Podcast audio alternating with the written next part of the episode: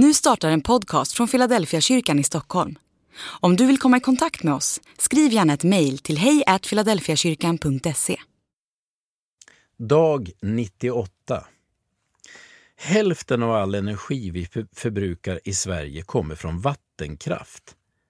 Det är enorma krafter i rörligt vatten. Genom kraftverken i Norrlands älvar kan vi lysa upp hela Sverige och värma upp mängder med hus.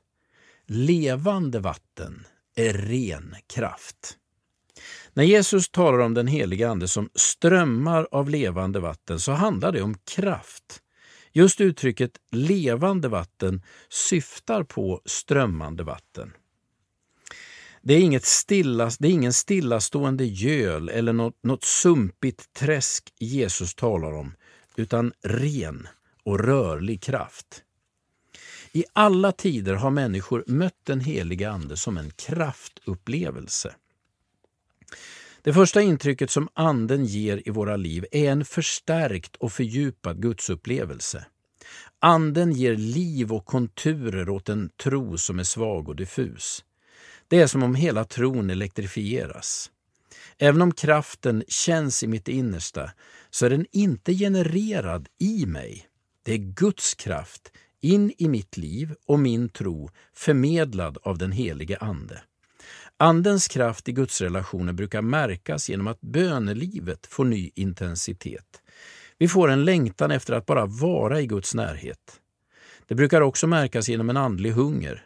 Vi lyssnar till predikningar och bibelstudier på ett nytt sätt. Vi vill veta mer och bara insupa det Gud säger genom bibelordet. Men Anden är inte bara en kraft inåt, i en fördjupad och förstärkt gudsrelation. Anden är också en kraft ut från våra liv. När människor fylls av den helige Ande finns ett överskott som hjälper oss att sträcka oss mot andra människor. Det som kännetecknar den helige Ande är samma sak som kännetecknade Jesus. Det föds ett nytt engagemang för andra människor som är både andligt och praktiskt. Den ström av levande vatten som Jesus talar om ger oss kraft att hjälpa andra människor. Andens kraft till tjänst brukar märkas genom en ökad medkänsla för andra människor. Det brukar, det brukar märkas genom större ansvar för andras välbefinnande och sten, större generositet med det man själv kan dela med sig av. Det brukar också märkas genom ett större intresse för andra människors andliga situation. Man ber mer för andra människor. Man är mer angelägen att berätta om vad ens egen tro faktiskt har inneburit. Anden förlöser också nya förmågor i människors liv. Det kallas för andliga nådegåvor. Det är som om en ny begåvningspotential frigörs när Anden bryter fram hos oss.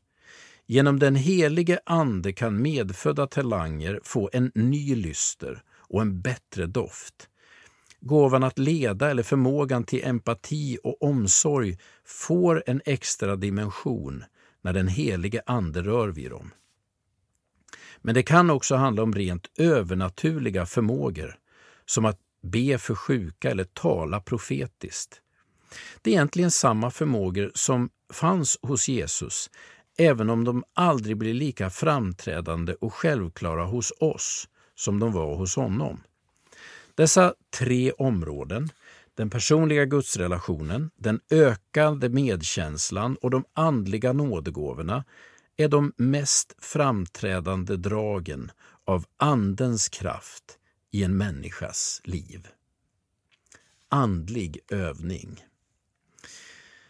På vilka punkter behöver du uppleva Andens kraft? I gudsrelationen, i medkänsla och omtanke eller i andliga gåvor? Be fyra gånger under dagen att Guds kraft rör vid dessa områden i ditt liv. Be vid förmiddag, lunch, eftermiddag och kväll. Upprepa ditt böneämne och ge Gud tid att svara.